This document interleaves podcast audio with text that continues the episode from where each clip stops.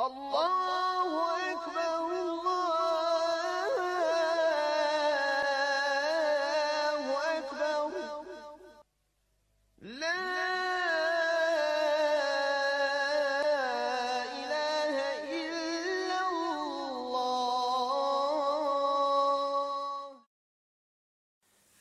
بسم الله والصلاة والسلام على رسول الله صلى الله عليه krenut ćemo sa tefsirom i tumačenjem sure Al-Huđurat. Medinska sura. To je jedna od sura koje su veoma značajni u Allahu i Đelešanu knjizi. I ona je od takvih sura koja je sura odgoja. Sura odgora kako u ahlaku, moralu, pojedinca, grupe, zajednice, kako građenju vođa, kako prenošenja privatanja informacija, habera, vijesti, liječenje bolesti koje se nalaze u ljudskim srcima, liječenje samoga društva i tako dalje. Sura znači ogromne vrijednosti. Ogromne vrijednosti. I islamski učenjaci su njoj posvetili veliku pažnju. I mnogi su napisali posebna djela gdje su komentarisali samo znači ajete te sure. Neki su je komentarisali samo sa jezičkog značenja, samo sa jezičke strane su je komentarisali. Neki opet samo iz propisa, a neki su znači uzimali sve u obzir. Pa mi ćemo probati, inša Allahu ta'ala, u našim druženjima da da bar onaj malo, malo pokušamo protumačiti što je Allah subhanahu wa ta'ala kroz ajete te sure vjernicima objavio. Prije samoga ulaska onaj neophodno da spomenemo riječi Vehba ibn Kejsana koji navodi između ostaloga al-đevheri u al-mubatta sa lance prenosilaca koji ide preko Enes ibn Malika. Sa lance prenosilaca koji ide preko Malik ibn Enesa. Enes ibn Malik je ashab. Malik ibn Enes jeste šta? Čuveni učenjak Medine. A Vehbi je bio njegov učitelj. Gdje je između ostalo, kako kaže ima Malik, ne bi, kaže, nikad sjeo u društvu, a da ne bi rekao la jasluhu ahiru hadihi l'umme illa bima saluha awwaluha. Kaže, neće uspjeti, neće se izgraditi, neće imati procvata, neće opstati, neće se popraviti. Ovaj, kaže, um, narod, kasnija generacija koja bude došla, osim na način kako su to učinile prve generacije muslimana. A Vehbi je bio, braćo moja, tabi'in. Odnosno, onaj koji je sjedio među kome, ashabima i od njih slušao i od njih učio. Umro je, ako se ne vara, 180 i ako se ne vara. Ili čak manje od toga bio je tabi'ina. Od njega bilježi sve šestorica, imam Buhari, imam Muslim, Abu Dawud, Tirmidhi, Nesai, Ibn Mađe, u svojim djelima. Potpuno povjeli, prenosilac. I između ostaloga, Qadu i Jad, u svome djelu Šifa, navodi između ostaloga, uzimajući iz djela koje zove El Mebsut, da je ovu uzimao i ima Malik i koristio ove riječi. I kasnije ćete naći u dijelima da mnogi islamski učenjaci se vraćaju na ovaj govor i pripisuju ga imamu Maliku. Međutim, onaj koji je prvi nju, nju izrekao ovu, ovu čuvenu moto, ovaj, ako, bi, ako bi rekli tako, jeste znači njegov učitelj koji se zvao kako? Uvejs ibn Kejsar. Uvejs ibn Kejsar. I ovo je postalo, znači, kod islamskih učenjaka šta? moto koji su se vraćali na njega i dan danas je to živo. I zaista je to tako. Vi danas vidite da je čitav muslimanski ummet, ako se tako može da kaže, koji postoji danas, odbacio od sebe ono sa čime je došla prva generacija. Ne želi od prve generacije da uzme išta. Niti njihov izgled, niti njihovo ponašanje, niti ono što su oni prenijeli od Allahovog poslanika sallallahu alaihi wa. Jer je ovo veb govorio za koga? Za ashaba, ridvanullahi alaihi. Govorio je to tabi'inima koji su dolazili kod njega kad bi sjeo, kaže, neće uspjeti narod kasniji koji dođe, osim na način kako je uspio prvi narod. Koji prvi narod? Odnosno, ko? Ashabi Allahu poslanika sallallahu alejhi. To je govorio kome? Tabi'inima koji su imali prilike da ili da slušaju vide nekog od ashaba, ili etba'u tabi'in, koji nisu vidjeli ashabe, ali su zatekli one koji su sjedili kod njih. Znači, danas neće da prihvate ništa od onoga sa čim je ta prva generacija došla. Osim čega? Imena. Čak ni imena njihova neće da nose. Čak ni imena. Omer, Osman, Alija, primjera radi, stide se danas tih imena. Čak ni imena, dakle, neće danas. Allahu poslanik sallallahu alejhi ve sellem kako dolazi u hadisu koji su zabilježili gotovo svi u svojim djelima. Kaže između ostaloga khairul quruni qarni. Najbolji qarn, najbolje stoljeće, najbolja generacija jeste kaže u moje stoljeće u kojem ja živim. A zatim kaže ono koji dolazi nakon njih, a zatim ono koje dolazi nakon njih. Pogledajte sada, braćo, ako je zaista neće se umet popraviti i neće umet uspjeti, niti ekonomsko, ha, niti moralno, hm, niti vojno, hm, niti privredno, niti zdravstvo, neće uspjeti, niti politički, osim na način kako je to šta uspjela na prva generacija. Usprko svemu tome, narod današnji koji se pripisuje islamu, neće to da prihvati. Naprotiv, onoga koji se pokuša toga da drži i pokušava da oživi tu ideologiju, žele da se šta njega kako? Na bilo koji način otarasi. Na bilo koji način da ga se šta? Otarasi. Stoga insan kada kome Allah subhanahu wa ta'ala dadne basiru, dadne mu, što bi ja rekao, klikere, svatanju i razumijevanju vjere, sa čim je došao poslanik sallallahu sallam, vi kad vidite sada, pojavila se generacija predvodnika vjerskih koji ljudima želi da prenese samo Allahovog poslanika sallallahu alejhi ve selleme čovjeka vezanog za džamiju vezanog za komšiju vezanog za suprugu. Jer tako nije tako? Čovjek vezan za džamiju ibadeti posti zekadaj vezano ga za komšiju, a ne smiješ reći ovome, ne smiješ reći onome, ne smiješ reći, moraš biti dobar. Vezano za suprugu, pažnja, sve u redu je. Ali samo kroz tu prizmu ga gledaju i kroz tu prizmu ga prekazuju kome? Slušalcima. Čovjeka kao vođu, jok. Vi znate, braćo moja draga, kada se pojavi vođa i kada vođa povede za sobom određeni narod, Ha? Sa čim će se taj vođa da susretne? Sa prijateljima ili sa neprijateljima? Sa neprijateljima. A susret sa neprijateljem iznalazi i mora da se pojavi šta? Sukob. Svaki sukob zahtjeva odricanja. Materijalna. Znači ekonomska i šta? Životna. Da li ste ikada čuli da vam neko Allahovog poslanika sallallahu alejhi ve selleme prikaže vođu u ovom obliku. Ja braćo kad sam došao na Azhar u trećoj godini srednje škole. U trećoj godini srednje škole učio sam šafijski fiqh. I te godine znači kada smo došli do jednog poglavlja, znači svaki fiqh, svaka fiqhska knjiga, svako pravno dijelo u islamu, u šarijatu, je podijeljeno na poglavlje. Počinje se od taharata, čistoće, I završava se tamo, između ostaloga, na odnisno, onaj, na kada ili na... Ha, između ostaloga, naćete tamo poglavlje o ratnim pohodima, poglavlje o borbi ili džihadu.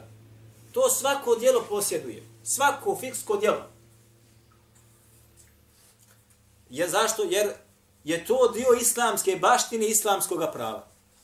Tada, znači, te godine kad smo mi došli do tog poglavlja, u trećoj smo ga obrađivali, kad smo došli do njega, došao je dopis sa starešinstva Al-Azhar, da od te godine se to poglavlje ukida u izučavanju na Azharu, kako u srednjim, tako i na fakultetu.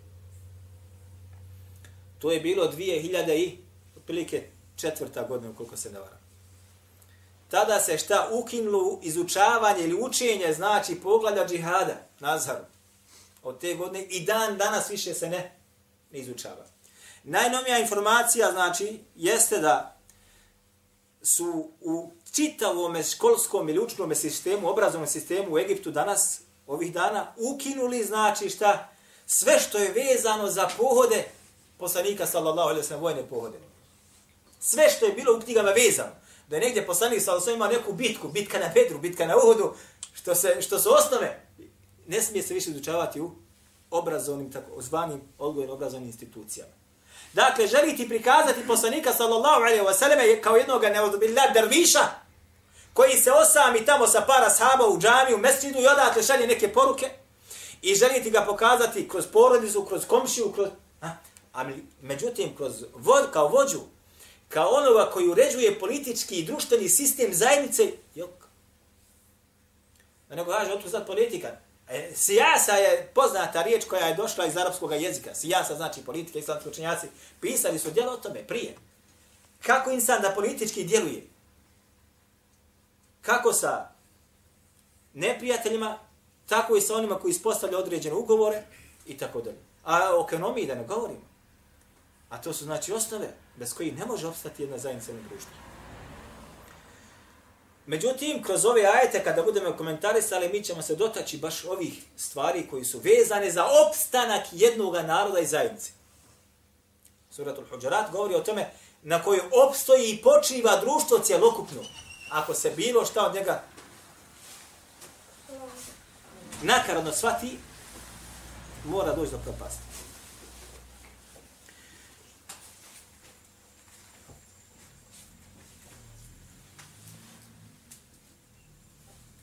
Braćo, koliko su ashabi shvatali uspjeh na onome na čim je poslanik sallallahu alaihi wa sallam ostavio. Najbolje govori njihova sira. Najbolje govori šta? Njihova sira. Mi ćemo kasnije kada budemo komentarisali taj aj. Između ostalo da kaže Allah Đelešanu u suru Al-Huđara, drugi ajet. La tarfa'u asvatakum fauqa sautin nabi. Ja juha ladina, amen. Ovi koji ste vjernici, koji vjerujete, nemojte, kaže, podizati svoj glas iznad glasa Allahog poslanika, sallallahu alaihi wa sallam.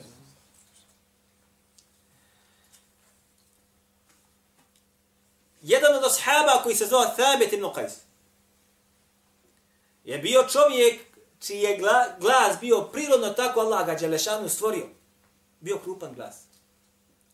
I njegov glas kad bi on raz, progovorio ili govorio, bio bi najkrupniji, čak bi njegov glas, znači bio, šta, iznad glasa Allahovoga poslanika, sallallahu sallam, po jačini i po zvuku. To on njegov. Kada je ovaj ajet objavljen, zatvorio se u svoju kuću. Ovaj rivajet bilježi imam Buhari u sume sahiju, braćo moje dragi. Zatvorio se u svoju kuću. Pa je Allah poslanik sallallahu alaihi wasallam između ostaloga šta? Vidio da ga nema. I poslao jednog od ashaba da vidi šta je sa njim. Raspitao se za njega pa je otišao ovaj pa ga našao zatvorenog. Između ostaloga rekao moja djela su propala. Moja djela su šta? Propala, kako dolaze samo na ajetu. Jer je, kaže, moj ovaj glas između ostaloga iznad glasa Allahoga poslanika, sallallahu alaihi vseleme. Glasniji sam od njega. I ja sam, kaže, od stanovnika, vatri. pogledajte koliko su pažnje posvećivali svome vođi. I onome koji treba da se slijedi, laqad kana lakum fi rasulillahi uswatun hasana vi imatu Allahum poslaniku sallallahu alejhi ve sellem. Najljepši primjer.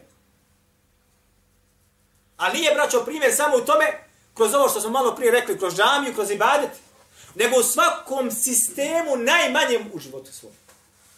Da ga uzmi insan, da mu bude primjer. Pa je se vratio i rekao Allahom poslaniku sa svojom čovjek, ono što je rekao stavi. Pa je rekao Allahom poslaniku sa svojom kaže ne, on je od stanovnika mi nehli dženne, on je od stanovnika, kaže dženneta. Neyse. Imamo Zehebi u Sijeri, Sijeru A'laminu Bela, kada govori između ostaloga njegovoj biografiji, između ostaloga navodi kada je bila poznata bitka je mama, učestvuje u njoj i Sabit ibn Qais.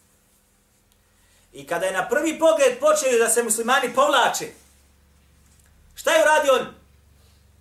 Znali kod vas? Jok. Obuko je, braćo moja draga, čefine. Bijeli. I rekao, gospodar moj, ja se tebi odričem s ovih njihovih postupaka. I krenuo naprijed i ubili su ga. Mora, jer Allah pozna, kaže, ne je on od stavnika vatre, on je od stavnika čega? Dženneta.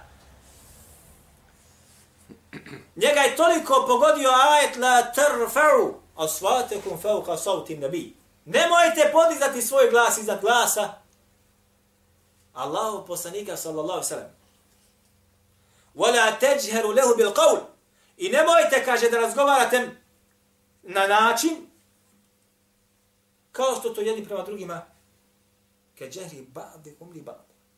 Kao što to jedni prema drugima pričate, razgovarate. Začas dvojica ako pričaju šta? Ovaj na njega podisi glas, ovaj na ovoga i tako dalje. Nije to obični govor. Ali kad govoriš sa Allahom poslanikom sallallahu sallam, mora da govoriš kako? Da spustiš svoj glas. Ovo je za njegovog života.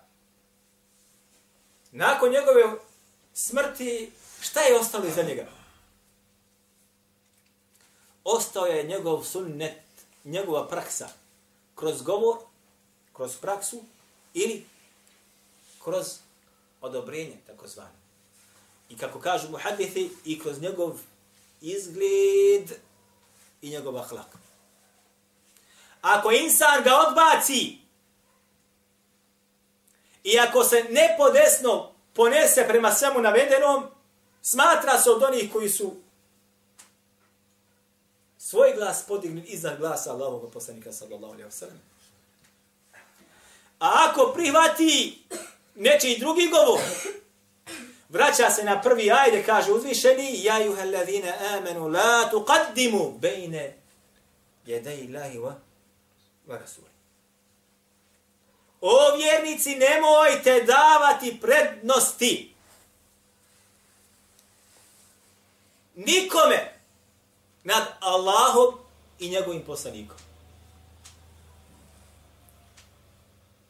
Ovo je ajet prvi znači koji ćemo od početa komentarišati.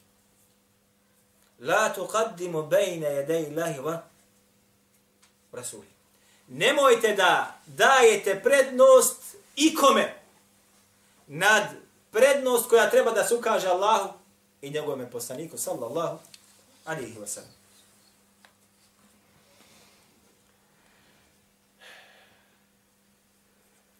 Kada islamski učenjaci braću komentarišu ovaj ajet, između ostaloga ne smije se dogoditi da nečija praksa bude bolja, da bude bolja od prakse s kojim došao Allah poslanik sa osam. da nečiji govor bude bolji, preči od govora Allaha ili njegovog poslanika, sallahu sallam. Da neki zakon bude preči i bolji od zakona Allaha i njegovog poslanika, sallallahu sallam. Da nečiji životni sistem da bude bolji od onoga koji je uredio Allah i njegov poslanik, sallallahu sallam. To se ne smije dogoditi ni u kom slučaju. Ali kad pogledate zaista danas, muslimane na koji se ovaj ajet zaista odnosi, ja i uheledine amenu, ovi koji vjerujete, šta su oni uradili? Ili šta smo uradili? Sve što je došlo od Ala Franco, kako se kaže, mi smo to prihvatili. A sve ono na, na što nas opozorava Allah i njegov poslanik i što je naredio se praktikuje, mi smo to stavili, ako nismo odmah automatski odbacili, stavili smo neku rezervu.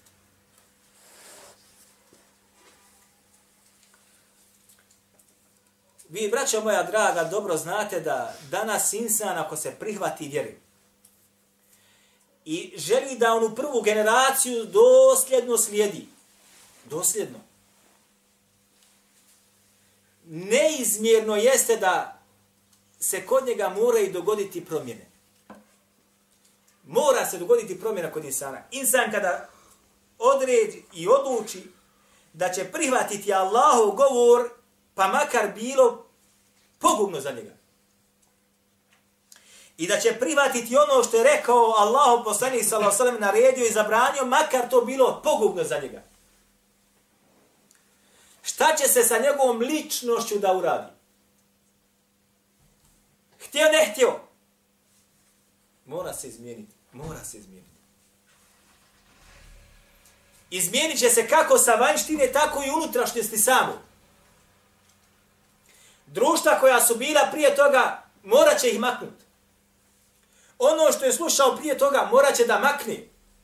Tamo gdje je izlazio prije toga, morat će da zaključa katanac. Ono što je govorio prije toga morat će da izmijeni. Ono što je pio prije toga morat će da baci. Ono što je jeo prije toga morat će da ugasi. Znači, kompletan njegov životni sistem će se morati da mijenja. A njegove promjene, kad se on bude mijenjao, društvo će odmah da zapazi. I društvo koje je dojuče u kojem on bio, bilo njemu identično, hoće li ga privati ili će ga odbaciti? Odbaca. Odbacuje ga. Kaže, rak rana si postao. Nadprirodno tkivo. Hm? Ti mana ne pašeš više. Pošto je tako društvo u većini, hoćemo otvoriti i što kažu pločati zlatnim polugama dole da, da hoda po tome ili ćemo bacati trnje i kamenje na put bacat ćemo trnje i kamenje na put. Jer je nepodesan za ono, ono stanje u kojem se šta? Oni nalaze. I boje se da neće oni postati njemu identični sutra. Da njihova djeca neće prihvatiti ono sa čim je on došao. Jer je to nakarada. Da ti men zabraniš da ja blučinim, da postane poput tebe, da ne izlazim po diskotekama, da postanem poput tebe, da se ne družim sa djevojkama, da ne pijem alkohol, da ne jedem krmetinu i ostale stvari. Nesvatljivo. Da ti men zabraniš da ja radim sa svojim metkom kako ja hoću. Da ne uzimam ja kamate i kredita kad ja hoću i kako hoću. Ti men došao sada da mi to zabranjuješ, kao ti mi došao. Subhanallah il-azim rivajet bilježi imam Bukhari u svome sahihu. I on je kod imama muslima i on kod ostali. Da je, Allah, da je Abdullah ibn Mas'ud između ostalog jedan puta rekao Prokleo je, kaže Allah, one koje se tetoviraju od žena. I one koje traže tetovažu. I one žene, kaže, koje uklanjaju dlake sa svoga lica. I one žene, kaže, koje prave razmak između svojih zubi, uljepšavajući se sve ovo znači, zbog uljepšavanja ako to čini, i koje, kaže, mijenjaju halq Allah. Allahu, kako je Allah Đeršanu stvorio, mijenjaju to, izmenjuju, prevare insane.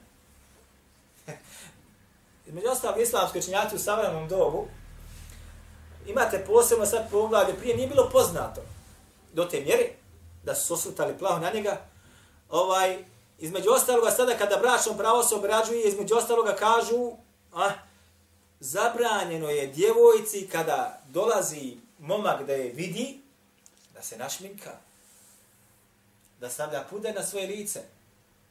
Zbog, če, zbog čega? Jer će svoju sliku koja je u stvarnosti zamijeniti onom koja nije. Pa će mu se ružna prikazati kakvom? Lijepo. Ili srednje lijepa, prekrasno. I sutra kad dođe kući i kada se bude ona šminka spala sa nje, vidjet će da je bio šta? Prevaren.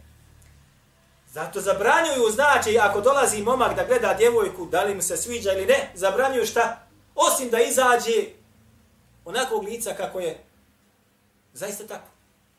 Ne isam. Pa je Abdullah ibn Mesud među ostalo kad je rekao to, došao je, kaže ovaj haber, do jedne žene iz plemena Benu Esed, zvala se Umu Jakub. A kad ona to čula, dolazi ona njemu, kaže, čujem, kaže, da proklinješ takve i takve i takve. Kaže on njoj, a što da ne proklinjem one, kaže, koje je prokleo Allah u poslanih, sallallahu alaihi wasallam. I Allah, kaže u svojoj knjizi.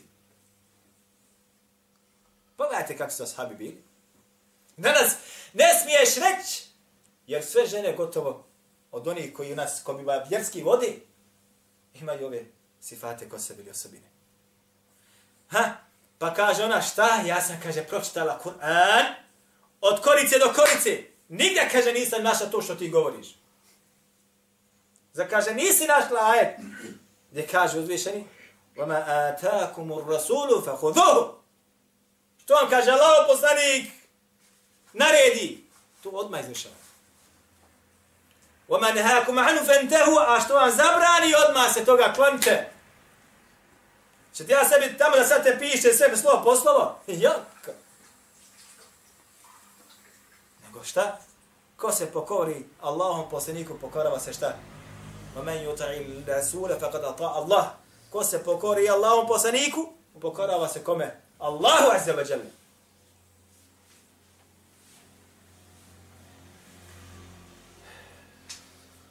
Inna Allah sami'un alim i kaže između ostalo gore i Allah je taj koji sve čuje i koji sve, sve zna. Što znači, moraš sakriti od muje ili od hase da se ti dao nekom prednost nad Allahom i njegovim poslanikom. Ali od Allaha to ne možeš sakriti. Može se dogovarati sa Fejzom i sa Onijem u tajnim dogovorima. Kako ćete mu u odne našim, pra, znači, mezheb, ovo, ono, ma mi ćemo raditi po mezhebu, po našim običajima. Konstruiši kako hoćeš. Na čemu? Nad Allahovim govorom. I nad govorom poslanika sa sveme. Ali opet Allah subhanahu je taj govor čuo. I taj govor zabilježen. Vi znate, braćo moja, dana, danas, danas, narod daje prednost govoru čovjeka. Daje prednost govoru običaja nad govorom Allaha ili govorom poslanika sallallahu alaihi sallam. To hrabrost, braćo, još zabilježeno nije kroz knjige istorije kad čitate. Da je neko dao prednost običaju. Nad govorom Allaha i njegovog poslanika sallallahu alaihi wa sallam. Došlo nam je kroz istoriju da su narodi, pokrajine, vladari davali prednost govoru nekog učenjaka. Neki nehotice, neki nehotice, neki namjerno, nad govorom Allahu poslanika sallallahu alaihi wasallam. I to je zabilježeno, braćo, kroz istoriju. Kako pojedinci, kako vladari i tako dalje. Ali nije nam došlo još da je neki narod ili vodstvo dalo prednost običaju naroda koji je nakaradan, neutemeljen u šarijatu, nad govorom da li Allah ili govoru poslanika sallallahu alaihi wa sallam. Ali se i to dogodilo.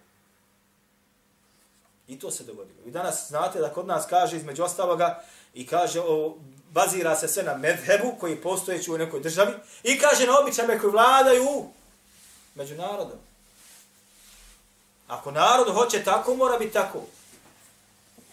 Bez obzira sa, što sa tim nije došao Allah poslanik. Kako kaže ma Malik, I ono što je onda, kaže, nije bila vjera.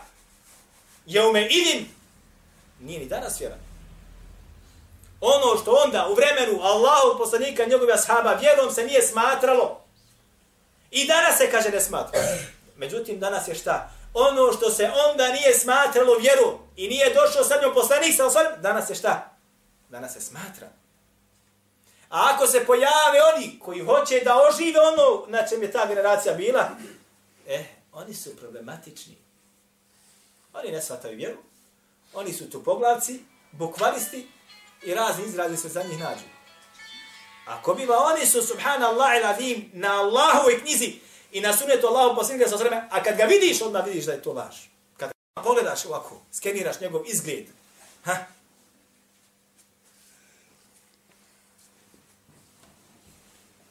Sjećam se, brać jednog od doktora, od jednih zemalja gdje sam studirao. Doktor jedan islamskih nauka.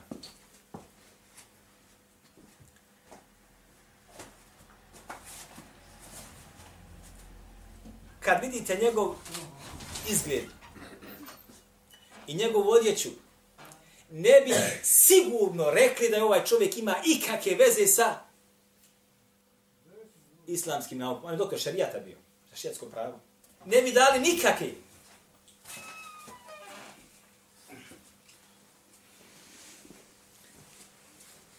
Cipele su na njem bilo možda njih 300 eura kožne. Oni što se zaviju naprijed gore doktor šerijatskog prava. Ali znači, da je postavljen tu. Dakle, braćo moja draga, ne smije se dati pravo nikome nad pravu koji pripada Allahu i njegovom poslaniku, sallallahu alaihi wa sallam.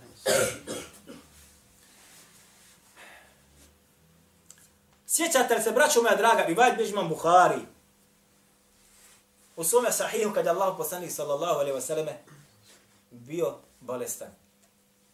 I nije mogao da izađe i klanja ljudima kao ima. Šta je rekao? Sjeća se kod vas. Ovaj rivac smo mi radili. Tako, a iši. Ajba, ka, kaže, naredite, kaže, da obavi namaz da klanja ljudima ko? Ebu Bakr.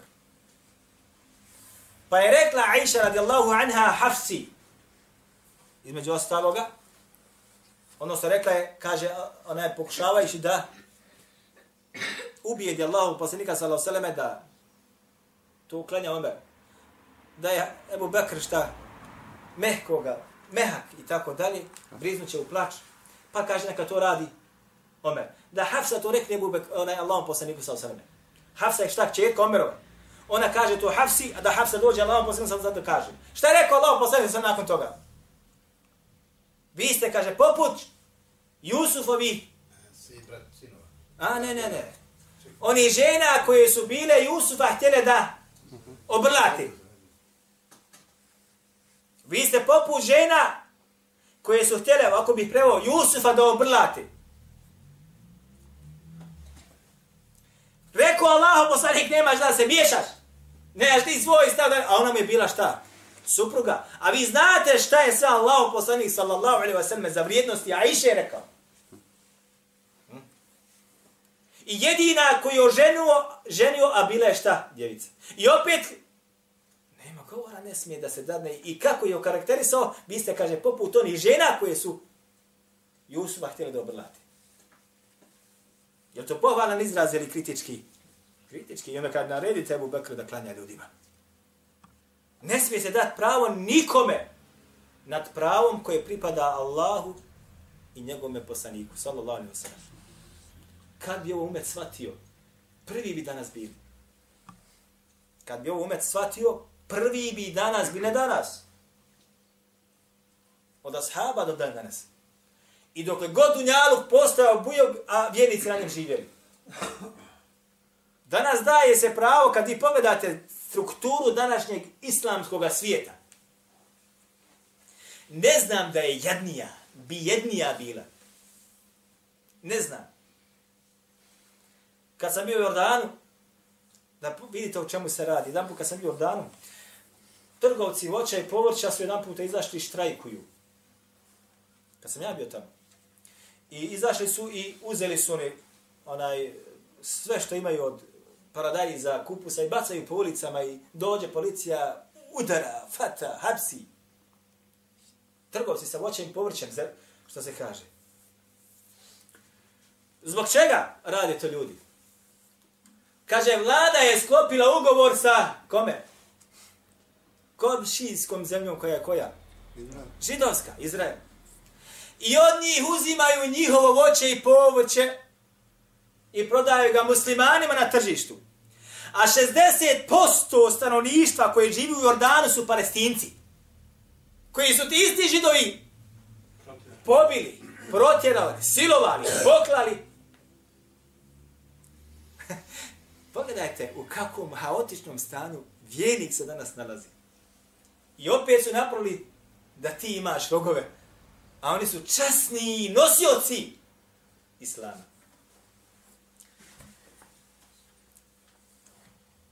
U jednoj od zemalja kad sam bio između ostaloga,